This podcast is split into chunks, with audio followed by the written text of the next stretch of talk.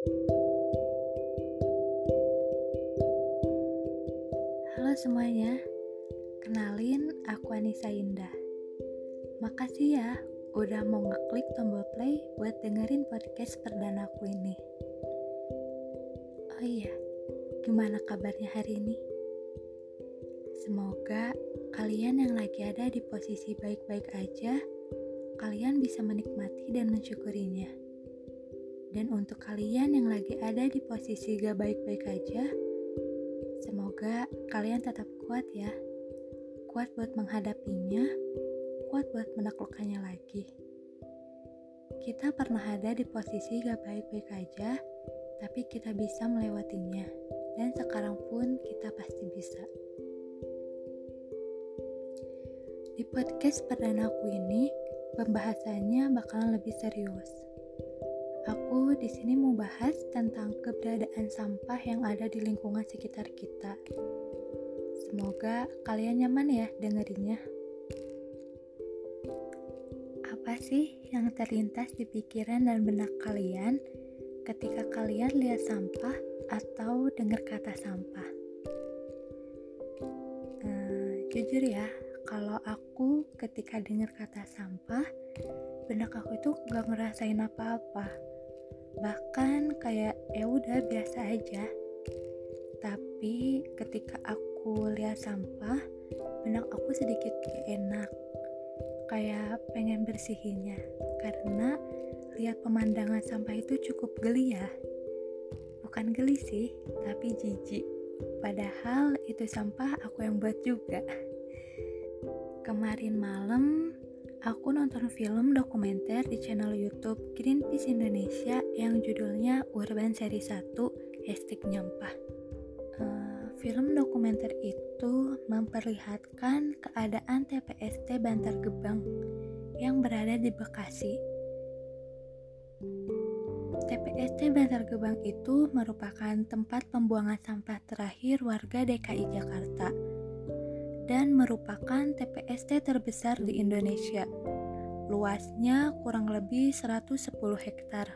Bisa kebayang lah ya, betapa luasnya TPST yang ada di Bekasi itu. Kondisi TPST Bantar Gerbang itu cukup mengerikan sih.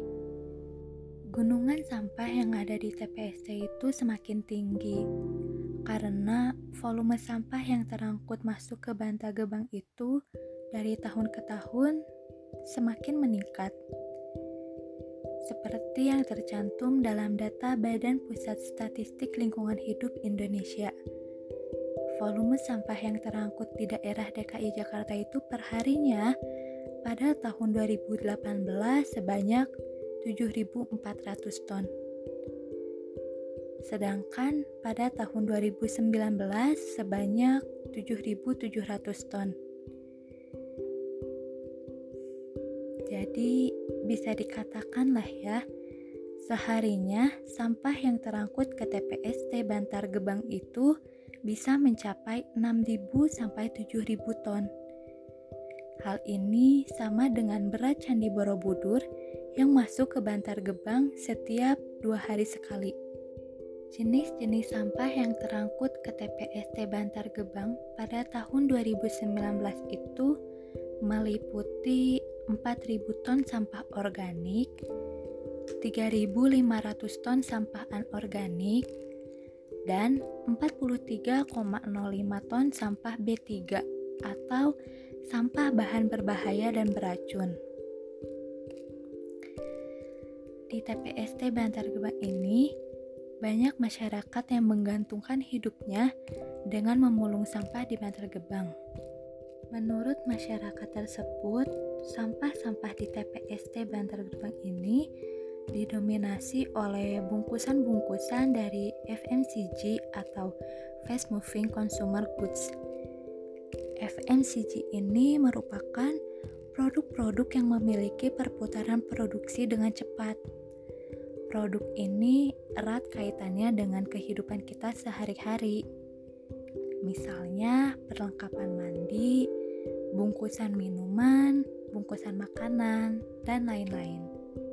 Di Indonesia sendiri, FMCG ini dari tahun ke tahun mengalami peningkatan. Hal ini dikarenakan banyak konsumen yang merasa produk MNCG ini memenuhi bahan pokok dalam kehidupannya. Sebenarnya, perusahaan FMCG ini memiliki dampak positif, di mana dapat membantu menurunkan tingkat pengangguran dan kebutuhan masyarakat dapat terpenuhi secara cepat. Tapi, hal ini pun memiliki dampak negatif, yaitu bagi lingkungan, di mana ketika meningkatnya pembelian produk FNCG akan meningkat pula produksi sampah yang dihasilkan. Selain sampah-sampah dari produk FNCG ini, ada loh benda yang sebenarnya dia itu sampah tapi kita nggak sadar kalau benda itu sampah. Kalian sadar gak benda itu apa? Uh, aku kasih clue ya. Benda itu selalu ada di genggaman kita. Yap, benda itu handphone. Tanpa kita sadari, handphone yang kita punya, televisi yang ada di rumah, kabel charger yang ada di sekeliling kita itu masuk ke dalam sampah B3 loh.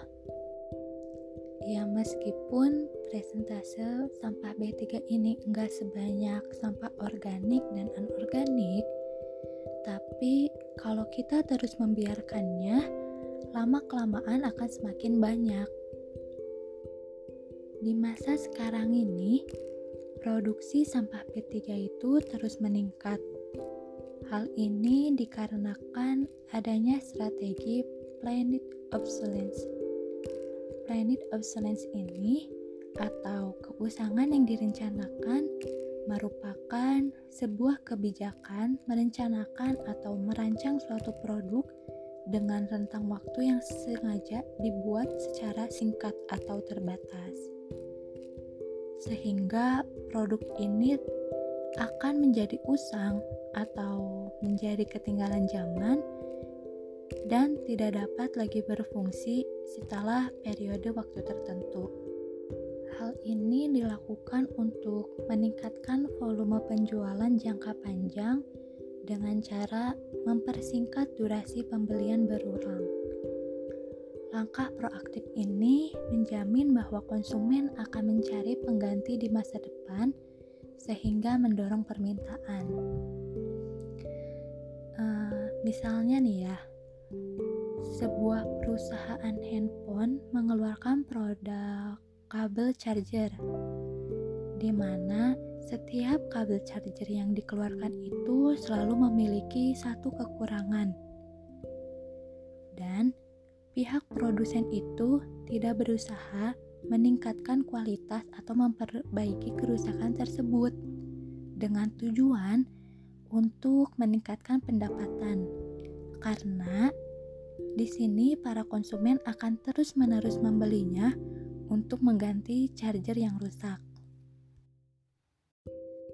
Menurut video yang aku tonton di channel YouTube dalam channel Europe Parliament yang berjudul Planet Obsolescence, Why Things Don't Last menceritakan bahwa banyak masyarakat yang dengan mudahnya membuang elektronik yang rusak, kemudian membelinya yang baru untuk menggantikannya. Padahal elektronik yang rusak tadi sebelum dibuang masih bisa diperbaiki kembali.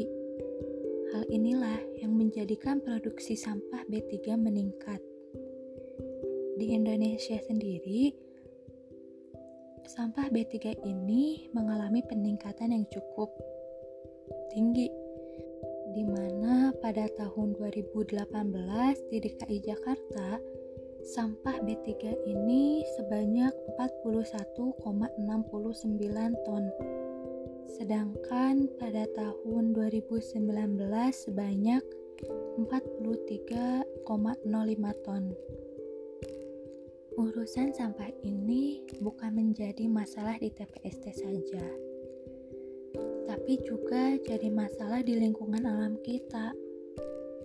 Sampah-sampah ini ketika dibuang di tanah, dia tidak akan terurai dan mengancam tumbuhan.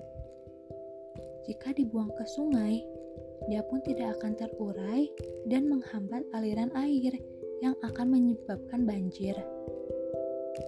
Dan jika dia terbuang ke laut, dia tidak akan terurai, bahkan dia akan menjadi mikroplastik yang merupakan potongan-potongan kecil yang ukurannya 5 mm. Menurut World Economic Forum, dalam The New Plastic Economy Rethinking the Future of Plastic pada tahun 2050, jumlah mikroplastik di laut akan jauh lebih banyak daripada ikan. Padahal nanti di masa depan ketika hutan telah dihabisi, sumber protein kita itu bergantung pada laut. Dengar hal tadi, ternyata cukup serius juga ya masalah sampah ini. Enggak deh, bukan cukup serius, tapi benar-benar serius. Nah, setelah aku bahas tentang sampah tadi, sekarang aku mau bahas gimana sih regulasi yang dikeluarkan oleh pemerintah dalam menangani permasalahan sampah tadi. Menurut Fajri Fadilah, selaku ketua dari Indonesian Center of Environmental Law atau ISEL, pemerintah itu telah mengeluarkan Undang-Undang Nomor 18 Tahun 2008 tentang pengelolaan sampah yang bertujuan untuk meningkatkan kesehatan masyarakat dan kualitas lingkungan serta menjadikan sampah sebagai sumber daya. Latar belakang dari dikeluarkannya undang-undang ini berawal dari longsornya TPA Lewi Gajah yang berada di Cimahi, Jawa Barat pada tahun 2005. Menurut data dari laporan pengelolaan sampah di kota Cimahi yang disusun oleh Marta Fani Cahyandito dan Yeni Listiani, bencana longsor TPA Lewi Gajah ini menghancurkan 139 rumah dan lebih dari 143 orang tewas terkubur. Selain mengeluarkan undang-undang tersebut, pemerintah pun mengambil kebijakan-kebijakan. Salah satunya yaitu kebijakan yang diambil oleh pemerintah DKI Jakarta dalam antisipasi overloadnya TPST Bantar Gebang. Menurut pemerintah, TPST Bantar Gebang ini akan mengalami overload di tahun 2022 karena telah menerima kiriman sampah sebanyak 10.000 ton. Nah, oleh karena itu, menurut data pada jurnal Agenda Setting Pemerintah DKI Jakarta dalam kebijakan pengelolaan sampah TPST Bantar Gebang yang ditulis oleh Reynaldo Gabriel Bandinia dan Pris Andreas Nock mengatakan bahwa pemerintah DKI Jakarta telah memulai proyek pembangunan pengelolaan modern yang bernama Intermediate Treatment Facility atau ITF yang berteknologi insinerator. ITF ini menggunakan konsep waste to energy Konsep tersebut akan membakar sampah, lalu sampah tersebut akan menjadi aliran listrik. Namun, banyak lembaga swadaya masyarakat yang menolak pembangunan ITF penggunaan teknologi insinerator karena menurutnya tidak ramah lingkungan. Menurut lembaga swadaya masyarakat, dampak-dampak yang akan terjadi itu yaitu dampak lingkungan dan sosial, teknologi yang tidak ramah lingkungan, dan dampak ekonomi bagi masyarakat sekitar. Nah, selain kebijakan pemerintah DKI Jakarta yang akan membangun proyek ITF untuk meregenerasi TPST Bantar Gerbang, pemerintah di Uni Eropa Prancis telah mengeluarkan undang-undang untuk mengatasi planet obsolescence pada tahun 2015. Undang-undang tersebut mewajibkan pabrik dan vendor peralatan untuk menuliskan masa pakai yang ditetapkan serta masa ketersediaan suku cadang di masa depan untuk setiap produknya. Sejak 2016, produsen peralatan juga diwajibkan untuk memperbaiki atau mengganti secara gratis produk yang cacat dalam kurun waktu 2 tahun sejak pembelian. Aturan ini membuat garansi 2 tahun wajib diterapkan secara efektif. Hmm, meskipun pemerintah udah ngeluarin berbagai kebijakan dan peraturan mengenai pengelolaan sampah, rasanya masih aja kurang ya. Kalau dari kita sebagai individu yang menyebabkan sampahnya itu tidak mengambil tindakan apa pun. Misalnya, pemerintah sudah mengeluarkan kebijakan, dan konsumen pun sudah ikut bekerja sama bersama pemerintah, seperti saat membeli sesuatu, kita tidak lagi menggunakan kantong plastik, tapi sudah menggunakan tas tote bag. Tapi, jika dari pihak produsen masih mengeluarkan dan belum mengubah bungkus produknya menggunakan bahan yang ramah lingkungan, hal ini sama aja. Produksi sampah akan tetap banyak meskipun pihak pemerintah dan pihak konsumen telah mengambil tindakan. Jadi, bisa disimpulkan ya bahwa yang bertanggung jawab dalam mengatasi permasalahan sampah ini bukan dari satu pihak saja, namun perlu adanya kerjasama dari semua pihak. Tapi, meskipun perlu adanya kerjasama dari berbagai pihak, dan hal itu terbilang sulit untuk dilakukan, kita sebagai individu yang mungkin sebagian besar berperan sebagai konsumen, bisa loh bersama-sama mengambil tindakan-tindakan kecil untuk menangani sampah dan untuk bersama-sama menjaga alam kita agar tetap lestari. Tindakan-tindakan yang bisa dilakukan yaitu kita bisa menggunakan tas tote bag sebagai pengganti kantong plastik. Selain itu, kita juga bisa membawa botol air dari rumah agar ketika di luar rumah kita tidak membeli botol air sekali pakai. Terus, tindakan yang lebih baiknya lagi, kita bisa mengolah sampah sendiri dengan cara mendaur ulang menjadi kompos. Dan jangan lupa, dalam menggunakan alat elektronik, selama masih bisa dipakai dan selama masih bisa diperbaiki, lebih baik jangan dulu diganti ya. Gak kerasa ya, udah ada di penghujung podcast ini. Sekian podcast perdana aku ini. Makasih ya udah mau dengerin dari awal sampai akhir. Semoga podcast ini bisa memberikan manfaat untuk kalian. Maaf ya kalau pembahasan dan cara aku bicara menyinggung atau berlebihan. See you next time. Insya Allah.